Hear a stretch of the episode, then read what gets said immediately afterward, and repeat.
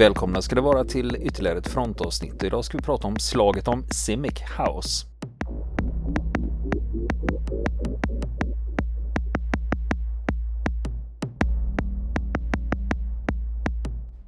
Ja du Niklas, Simic, C-I-M-I-C. Det lär ju som serietidningsförlaget höll jag på att säga. Ja, Semic. Ja, just det, Simic. Ja, nej. Ja, nej, det här Simic det är, det är en eh, förkortning på engelska. Det är Civil Military Cooperation. Och det är alltså en blandning av verksamheter. Ja. För det är i länder där myndigheten inte finns längre eller fungerar dåligt så blir det myndigheten dit civilisterna vänder sig eh, med olika frågor då. Så att eh, till exempel i det här exemplet då som det här handlar om då där är det britterna som driver det i en irakisk stad, alltså det är under Irakkriget. aha. Och då är det så, för man har ju slagit ut alla myndigheter, det finns ju ingenting, det finns ju ingenting som fungerar. Va? Och då kan ju folk komma dit med liksom eh, allmänna frågor och då måste det finnas någon form av myndighet och då är det de här som får vara myndighet då under tiden. Just det. Som ett kommunhus Man eller tager vad man har eh, någonting. som någon, Mm. en berömd Ja, precis. matlagerska sa. Och jag vet, Mm. för, för jag kommer ihåg, du, kör, du berättade ju historien om Telsaki. Just det, Du vet Mm. när det var israeliska fallskärmsjägare, mm, precis. Golanhöjderna, som var, som var isolerade och belägrade. Och, och det är alltid intressant att se de här, hitta de här historierna om just belägringar, för det blir lite speciellt. Ja, verkligen. När det är, bara, det är bara vi och vi, vi får klara oss bäst vi kan här. Och ofta då mot en övermäktig fiende och det var exakt det som hände här då. Ja. Ah, Och, och det här är Irak 2004 då. Och sen vet vi också vad folk, eh, om vi tittar, jag går igenom lite lyssnarstatistik och ser vilka, vad folk gillar va, att lyssna på. just det. Vad vi gör då. Och här har du ju då liksom, eh, handlar det här om prickskytte? Ja, det gör det. Mm. Handlar det om specialförband? Ja, det gör det.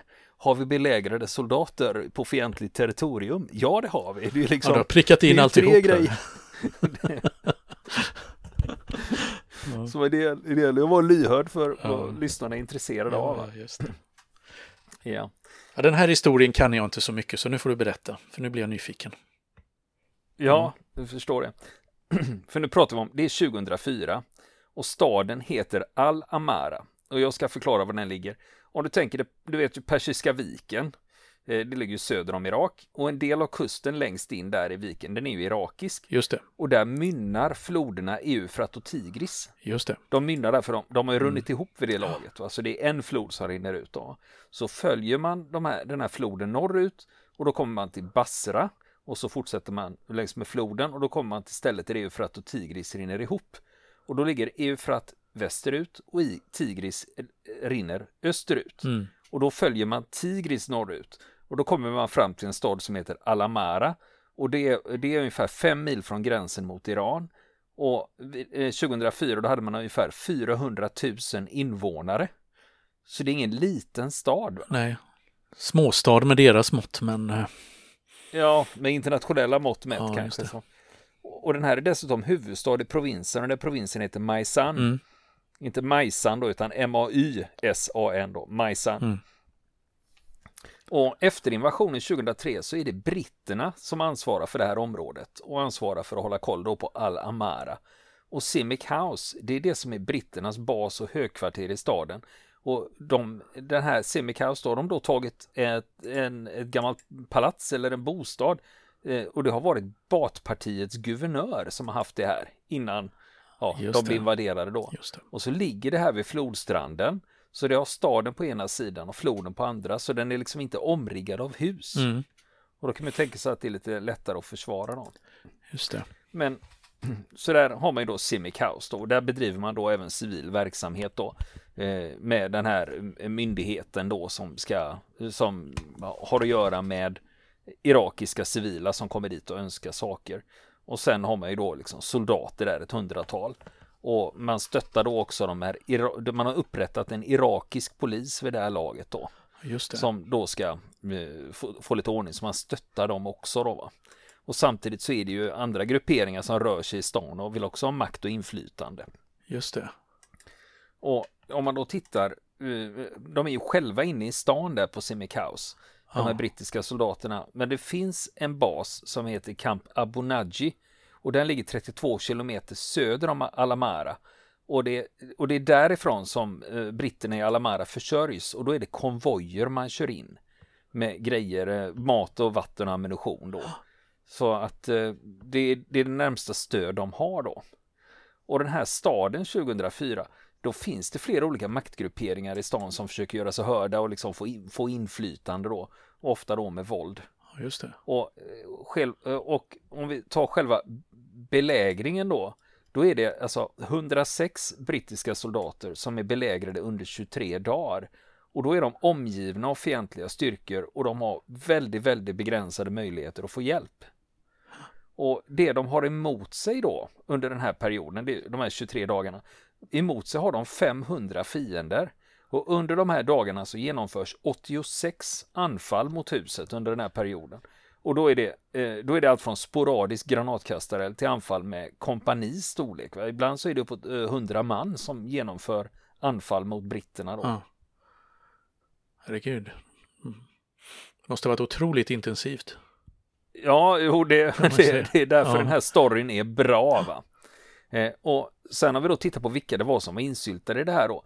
För större delen av soldaterna på Simic House, de tillhör Y-kompaniet från första bataljonen från Princess of Wales Royal Regiment. Mm.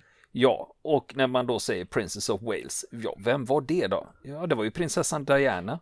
Just det. Just det. Det är därför de heter så, Princess of Wales. Ja. Och eh, det här förbandet sattes nämligen upp 1992. Ah, Eller ja ja. eller ja, det bildades ju inte liksom från scratch då, utan man gjorde en omstrukturering i brittiska armén och då var det flera förband som bytte namn och flyttades om. Så tidigare hette större delen av regementet The Queen's Regiment och så slogs man ihop med Royal Hampshire Regiment och tillsammans så blev man det nya Princess of Wales Regiment. Så att, men, så man, kan, så man säger så här att det här regementet har ju anor som sträcker sig flera hundra år tillbaka i tiden. Mm. Och sen dess har ju förband lagts till och dragits ifrån och som har bytt namn då. Så att det är ofta som med brittiska förband, om man väl tittar på dem, vad de heter och vad de har varit med, då hamnar det ofta väldigt, väldigt, väldigt långt bak i historien. Så de har ofta väldigt uh, intressant historia, oavsett vilken ja, period verkligen. man är intresserad av. Verkligen. För de har ofta, för de har ofta varit, eh, för de här brittiska eh, regementena har ju ofta varit runt ja. liksom. De har ju fan varit och krigat i Indien och Östpakistan och Malaysia. Ja, varit med och, överallt. Liksom. De har varit med överallt, ja. Så det är, det är roligt just om du tar ett brittiskt förband och kollar, men vad är det de har gjort då? Då har de ofta hunnit med ganska mycket. Ja, verkligen. Men 1992 då, då blev, det, då blev prinsessan Diana Colonel in Chief. Och det är alltså en hederstitel och det är medlemmar i, medlemmar i kungafamiljen som har dem. Och där är alla medlemmar Colonel in Chief för flera olika regementen.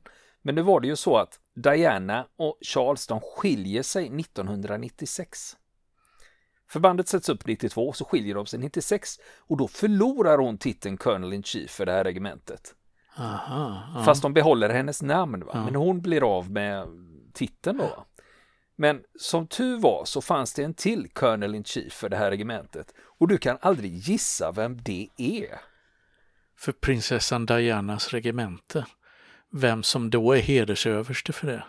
Nej, nej. Nej, helt, det är helt omöjligt att gissa om man inte vet det. För det är drottning Margareta den andra av Danmark. Jaha, men... Alltså våran kungs kusin är det ju faktiskt. Jaha, se där. Ja. Och det lustiga är att dronning Margaret, ja. hon är ju fortfarande Colonel in Chief för Princess of Wales Regiment. Se där.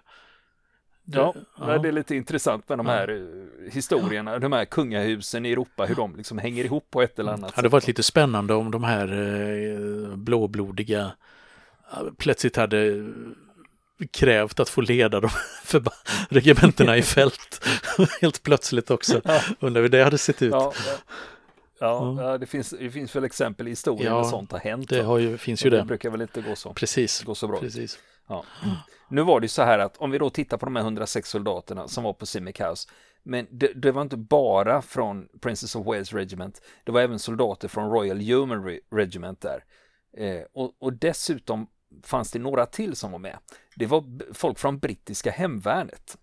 Eller ja, eh, Territorial Army från, eh, kom från 52nd Lowland Regiment. Men då var det så här att de hette ju TA, eller Territorial Army på den tiden.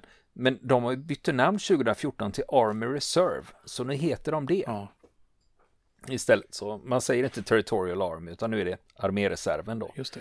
Och sen just det där, eh, eh, när vi pratar om TA då, och jämför dem med svenska hemvärnet, det är lite annorlunda för kravet på antal dagar i tjänst i Sverige, det är fyra eller åtta beroende på om du är typ bevakningssoldat eller insatssoldat.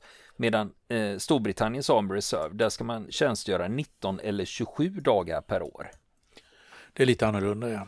Just det. Ja, men sen kan jag ju lägga till det också att även om de svenska hemvärnssoldaterna, de brukar ändå överskrida de här fyra eller åtta dagarna, för de har möjlighet att gå på massa extrautbildningar och övningar och sånt. Och de som håller på med det brukar vara väldigt engagerade och brukar passa på att åka iväg på massa andra utbildningar och övningar och sånt också. Så i verkligheten brukar det bli mer än fyra eller åtta ändå. Va? Ja, och men så har vi då Princess of Wales Regiment, för det är lite intressant att veta liksom backstoryn här. För även om de har rötter som sträcker sig tillbaka till 1600-talet och de har varit med i en jävla massa krig sedan dess, så det här året 2004, då har inte de fått vara med på ganska länge. Okej, de har ju kört Nordirland, Bosnien och Kosovo. Mm. Eh, där har de varit med, men de var inte med på Falklandsöarna. De fick inte vara med i Desert Storm 91 och de hade inte varit med i Afghanistan eller, invasionen av Irak 2003 Ja, just det. jag vet att det är flera poddar som blivit kritiserade för att de inte anger källor Mm. eh, i tillräckligt hög utsträckning. Så nu ska jag passa på att göra det. För mycket av den informationen jag har i det här avsnittet är hämtat från en bok som heter Sniper One. Och den är skriven av en soldat som var där som heter Sergeant Dan Mills. Och eh, han har berättat hela den här historien om den här belägringen. Så mycket har jag fått därifrån då Just det. när han, Sergeant Dan Mills, beskriver det här, han säger att det, de, de här striderna de var med om, eller rättare sagt när de får beskedet att de ska till Irak så blir det som en befrielse för soldaterna där.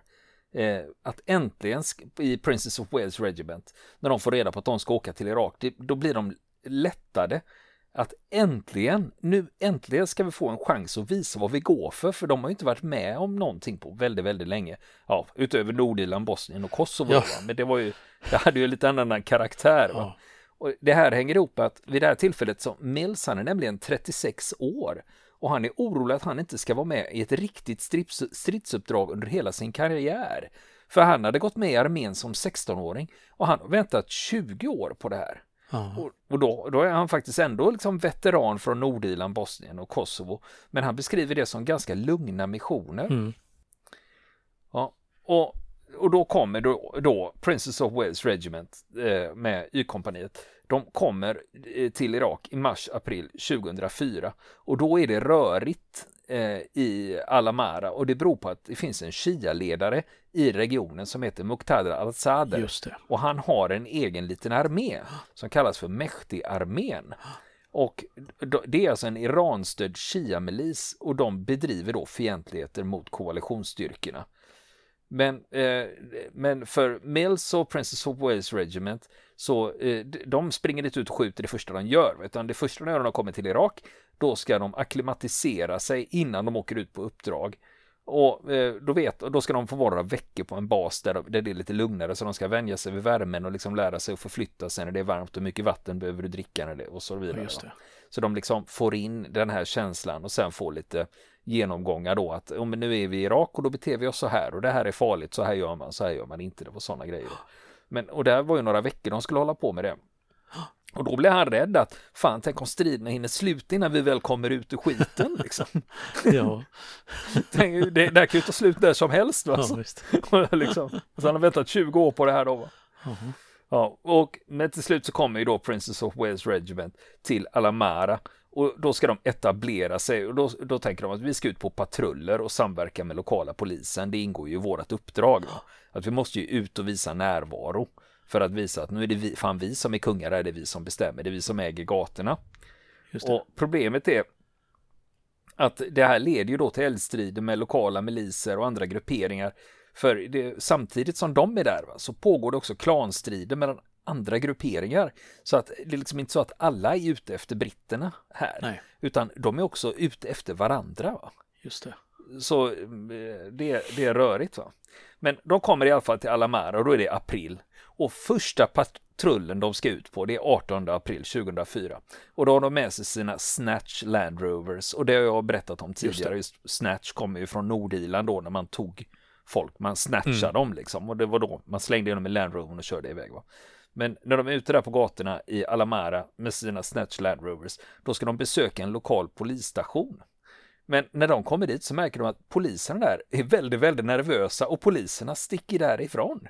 Och då tänker jag, vad fan är det här? Liksom, var, varför sticker de? Bara för att vi dyker upp? Då visar det sig att den här polisstationen, på andra sidan gatan så ligger Al-Sadr-organisationens högkvarter. Klart. Och de är inte nöjda med att britterna har dykt upp precis framför dörren. Ja, det är klart, det kan bli lite spänt. Så att, så du vet, ja. så poliserna inser ju att herrejävlar, nu kommer det att hända grejer här ja. va. För kan, det är alltså en sån otrolig utmaning va. Ja. Det första man gör första dagen är att man kör till fiendens högkvarter och parkerar utanför grinden. och, och, och mycket riktigt, det första som händer, det är att det dimper ner en handgranat bredvid en Snatch Land Rover där. Som detonerar och då skadas en brittisk soldat svårt och sen blir det finkalibrig eld från byggnaden och från omgivningen och den brittiska patrullen hamnar i en jäkligt sopig situation men lyckas till slut få in förstärkningar och ta sig ut och de får skjutas ut. Och de, och de hade nämligen inte en aning om att eh, OMS, som den här organisationen kallas också, att eh, OMS högkvarter låg där. Och, de visste och, och inte det alltså? Nej, de hade väl missat ja. det på någon briefing eller någonting, så att de skulle bara ut och åka till en polisstation ja. då. Och sen, eh, sen händer det en annan grej de upptäcker när de väl var inne i den här första eldstriden då. Så de lyckas ju faktiskt eh, skjuta sig utifrån då. Men de, de fick ju med sig en svårt sårad man, eh, soldat också. Och eh, en sak de märkte där när, de var inne i den här striden, då kom de på att fan, det hade varit bra om vi hade fått ut handgranater. För de hade inte fått ut det för att det här var ett fredsbevarande uppdrag. Mm. Och, det är också just det där, och liksom, vad fan, är det krig eller ska vi gå omkring och liksom skaka hand och le mot folk och dela ut godis och tandborstar? Liksom. Men shit. Så att där mm. hade man ju gjort en liten, en liten missberäkning. Där, ja. Men annars, för annars om vi kollar vad de hade med sig. Uh, de hade ju med sig sin vanliga karbin, den heter ju SA80, SA80 mm. och det är A2, de har, det är den förbättrade versionen. Den första versionen hade ju lite fel och brister. Men sen när den nya versionen kom sen så vi, de brittiska soldaterna brukar överlag vara nöjda med dem då. Ja. Men den dras fortfarande med det ryktet faktiskt, att SA80 är en jävla skitkarbin. Så, att, eh, men det, så det beror lite på vem man frågar. Men de som har använt dem skarpt då i Irak, de är hyfsat nöjda med det. Mm. Och sen har de också eh, FN eh, Minimi. Eh, det är ju en eh, lätt kulspruta. Det är ju KSP 90 heter ju den i, i Sverige. Det. det. är ju det. 556 då mm. på den. Och sen på sina SE80 så har de ju också eh, vad de kallar för UGL då, eller UGL, alltså Underslung Grenade Launcher. Eh, den heter ju M203 och det har vi ju i Sverige också till AK5 och AK4 så man sätter en liten granatkastare under pipan på automatkarbinen och så skickar du iväg en 40 mm granat. Mm. Och sen har de också GPMG eh, som förstärkning och GPMG det är ju General Purpose Machine Gun. Det är ju en FN MAG då KSB 58 som eh, den heter i Sverige. Och den har vi gjort ett helt avsnitt om, KSB 58. Och sen ska jag nämligen rätta mig själv, för jag har ju pratat om britter som är ute och krigar förr. Mm. och har med sig den här kulsprutan och då, då har jag eh, då satt jag och lyssnade på en britt som eh, pratade om det där och då hade han sagt Gimpy så då ja. tog jag med mig det, men det visade sig att jag har ju sagt fel, det och han sa också fel, för det heter inte Gimpy, det kallas, det är Gimpy. Eftersom det är General Purpose Machine Gun så blir det Jimpy av det, inte Gimpy då. Just. Så Jimpy ska jag säga i fortsättningen. Mm. Rätt ska vara rätt. Sen var det en annan grej att innan eh, eh, Princess of Wales Regiment reste från England då hade de tvekat om de skulle ta med sig sina granatkastare. Det är 51 mm så det är inte gigantiskt stora grejer. Men ändå tänkte de så här att vad fan, ju, vi ska ju på ett fredsbevarande uppdrag. Det här är inget regelrätt krig. Ska vi verkligen ha med oss granatkastare eller inte? Men till slut så bestämmer man sig, nej vi tar med dem ändå för säkerhets skull och det skulle ju visa sig på sikt att det var, det var väl beslut. Bra. Ja. Så det är alltid nästan alltid ha med, bättre att ha med sig lite mer än eh, vad man tror. Just det. Och, och sen, de hade ju kommit hit i april. Ja. Och april till juni så är de inblandade i strider ganska ofta. För de blir attackerade på Simic House och deras patruller utsätts för bakhåll så fort de är ute. Och, eh, då är det, och sen händer det en annan knasig grej där. Och det är en amerikansk konvoj som råkar väldigt, väldigt illa ut i den här stan. För den här konvojen, den ska ta sig från Bagdad till Basra. Bagdad ligger ju norröver då, Basra ligger ju söder om. Just det. Och den här konvojen, då, då har de fått instruktioner och underrättelser från att ja, men kör genom Maisan-provinsen för det är lugnt där. Det kommer inte att hända någonting. Ja. Och det är det ju inte. Va? Nej, det. Utan när den här konvojen rullar in då utsätts den för ett eldöverfall och flera fordon förstörs. Och det är på håret att de drabbas av stupade soldater. Det är flera som såras men alla överlever i den här konvojen. Men de åker på rejält med pisk. Ja. Ja, och sen hamnar ju i det här läget då under sommaren där, eh, då, då hamnar britterna inför ett svårt beslut. För det finns vissa områden som de vet att så fort vi kommer dit så blir det eldstrider. ja, just det. Men om vi å andra sidan inte åker dit utan att låta det vara, då framstår det ju som motståndarna har vunnit. Då har vi ju tappat det. För det, det är ju en viktig signal att visa om vi kan röra oss ute eller inte. Va? Så, och samtidigt måste man ju väga det att det finns ju alltid en risk för egna förluster så fort de skickar in soldater i ett farligt område. För de vet ju om att om det är tillräckligt mycket eldstrider till slut kommer vi att få förluster. Just det. Ja, under sommaren så fortsätter det med granatkastarattacker mot Simic House. De råkar ut för vägbomber och det är finkalibrig eld och det är RPG-överfall på patrullerna. Och, och, det, och det här drabbar både fotpatruller och fordonspatruller. Så när de är ute då blir det strider. Va? Just det. Och, och de hade ju med sig sina Land Rovers. Eh, nu är problemet att de får sluta vara ute och patrullera med dem för de är för dåligt skyddade. Mm. Och istället så får de förlita sig på sina eh, pansarskyttefordon. Det är Warriors heter de. Ja. Eh, det, det är typ som stridsfordon 90 då med en eh, automatkanon där uppe och lite kulsprutor och grejer. Då. För då har du i alla fall lite pansar som kan skydda dig.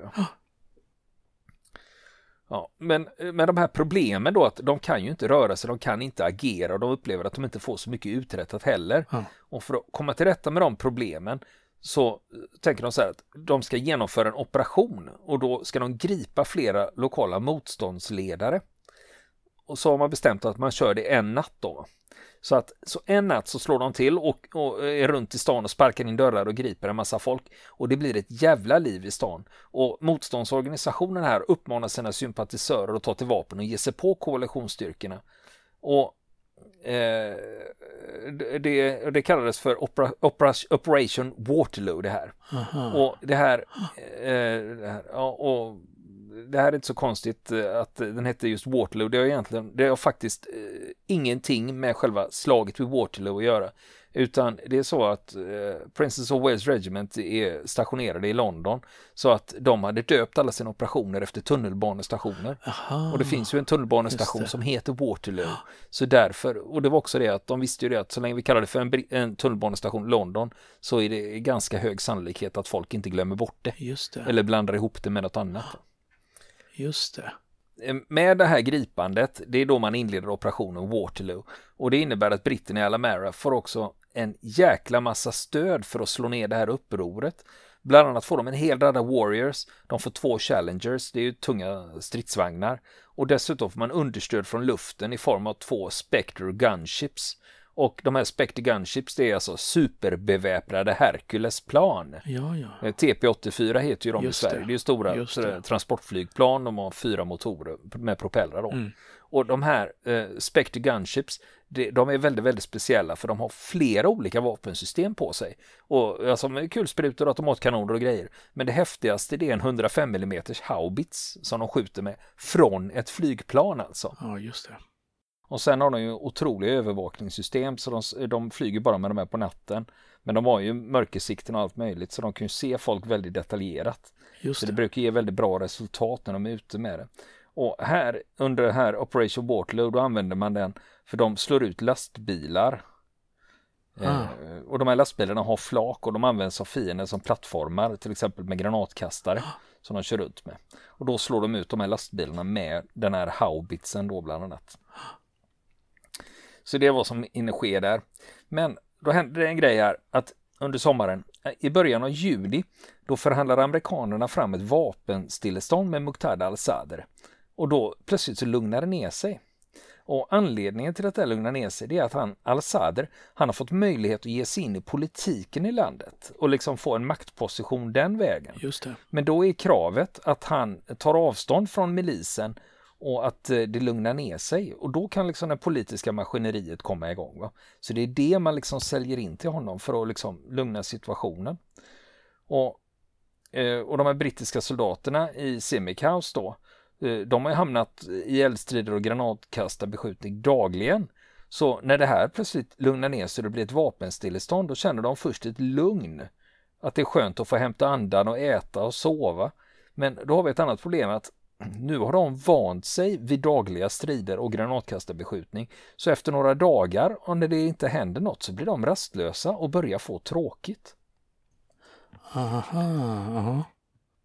Så de har anpassat sig till vardagen, liksom att vi är ute och skjuter och sen eh, åker vi tillbaka och så blir vi utsatta för granatkastarbeskjutning och så går vi upp på taket och skjuter. Då.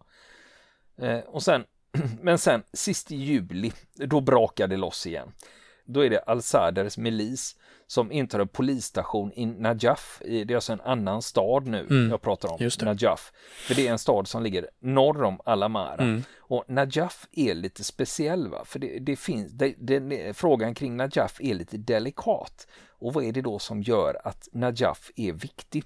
Jo, där ligger shia-muslimernas heligaste moské. Och inte nog med det, och anledningen till att det är den heligaste, det är nämligen relikerna efter grundaren av Shia ligger begravd där. Och det är alltså profeten Muhammeds kusin och svärson Ali. Mm.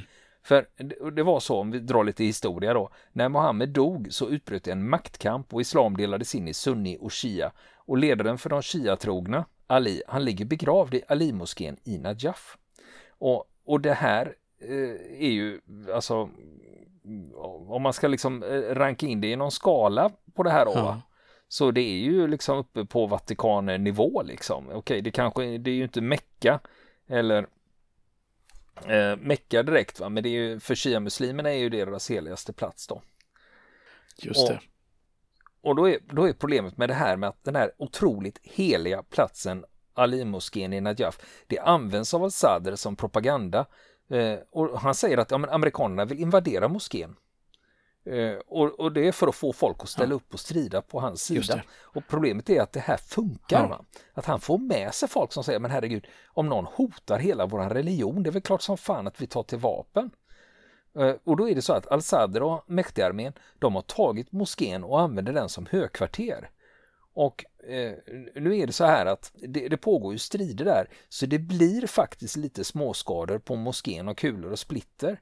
Eh, det, det är inte sådär, den är inte jämnad med marken på långa vägar. Va? Men problemet är att när de visar upp de här skadorna, ja, titta vad amerikanerna har gjort, de har angripit våran heligaste plats. Ja, då blir de trodda. Så då blir det ett, Mm. Ja, och då blir det ett rejält uppror i hela södra Irak och det märker, märker man ju av nere i Alamara för att nu jävlar va, nu är det, nu är det, nu är det krig va, nu har de skitit i det blå skåpet. Just det. Och då kickar det här igång då va. Och eh, sen, eh, det här var ju sista juli då, och sen 4 augusti, då dör det en brittisk soldat i Alamara. Och det här är lite speciellt för att han heter Chris Raymond och han tjänstgjorde just i Y-kompaniet som den här historien handlar om. Och eh, han står vid grinden till Simic House när det kommer in några Land Rovers. Och eh, då, har, då fäller han upp bommen och från den uppfällda bommen så hänger det ner en kedja. Och den här kedjan fastnar i wirekaparen på Land Rovern. Det är ofta när man har fordon ute och kör så har det ofta en, en stång som sticker upp, en vass stång. Mm. Eh, som är en eh, det är nämligen för att, för att inte fastna i elledningar eller att någon har spänt upp något över vägen så den ska kapa av den här wiren då. Och nu är det kedjan från bommen som fastnar i wirekaparen på Land, Landroven och det gör att den här bommen rycks ner med väldigt, väldigt kraft, träffar den här soldaten Raymond i huvudet och han avlider av de här skadorna. Och i kompaniet som han tillhörde, de är helt förkrossade. Här har de varit med om mängder med eldstrider och de har varit utsatta för vägbomber, granatkastarbeskjutning. Ingen har stupat. Va? Och så dör en av dem genom att få en vägbom i huvudet. Ja, herregud. Ja. Och nästa vecka fortsätter vi prata om slaget vid Simic House. Jo, jag ska passa på att göra lite reklam för en grej här Niklas. Okej. Okay. Ja, vi har börjat sälja merchandise. Ja, just det. ja, vad kul. Ja, precis. Och det gör vi i samverkan med podstore.se. Podstore.se blir det. Så då kan mm. man köpa muggar med frontens logga, t-shirt, hoodie. Lite tygkassa också finns det om man är intresserad av det. Jag har ju inte sett de här själv ens. Men eh, så länge. Men jag, jag, hoppas, jag hoppas att eh, t-shirtarna är sköna för det tänker jag skaffa några själv. Ja, jag tänkte mer ha lite, ja, mugg ska jag ha i alla fall ja, och skryta med på jobbet. För det, då blir det alltid det någon som frågar, men du vad är det för något? Jag har ju missat Sveriges största militärhistoriska ja. podcast. Ja, precis, just ja. det. Det har du rätt i. det kan man göra. Det är klart. Precis, och podstore.se, där hittar man de grejerna. Mm. Kul. Vill ni komma i kontakt med oss så kan ni göra det via vår Facebook-sida som heter Fronten. Det är inga problem för er att leta er fram där. Eller också så mejlar ni på vår mejladress och det är frontenpodcast@gmail.com.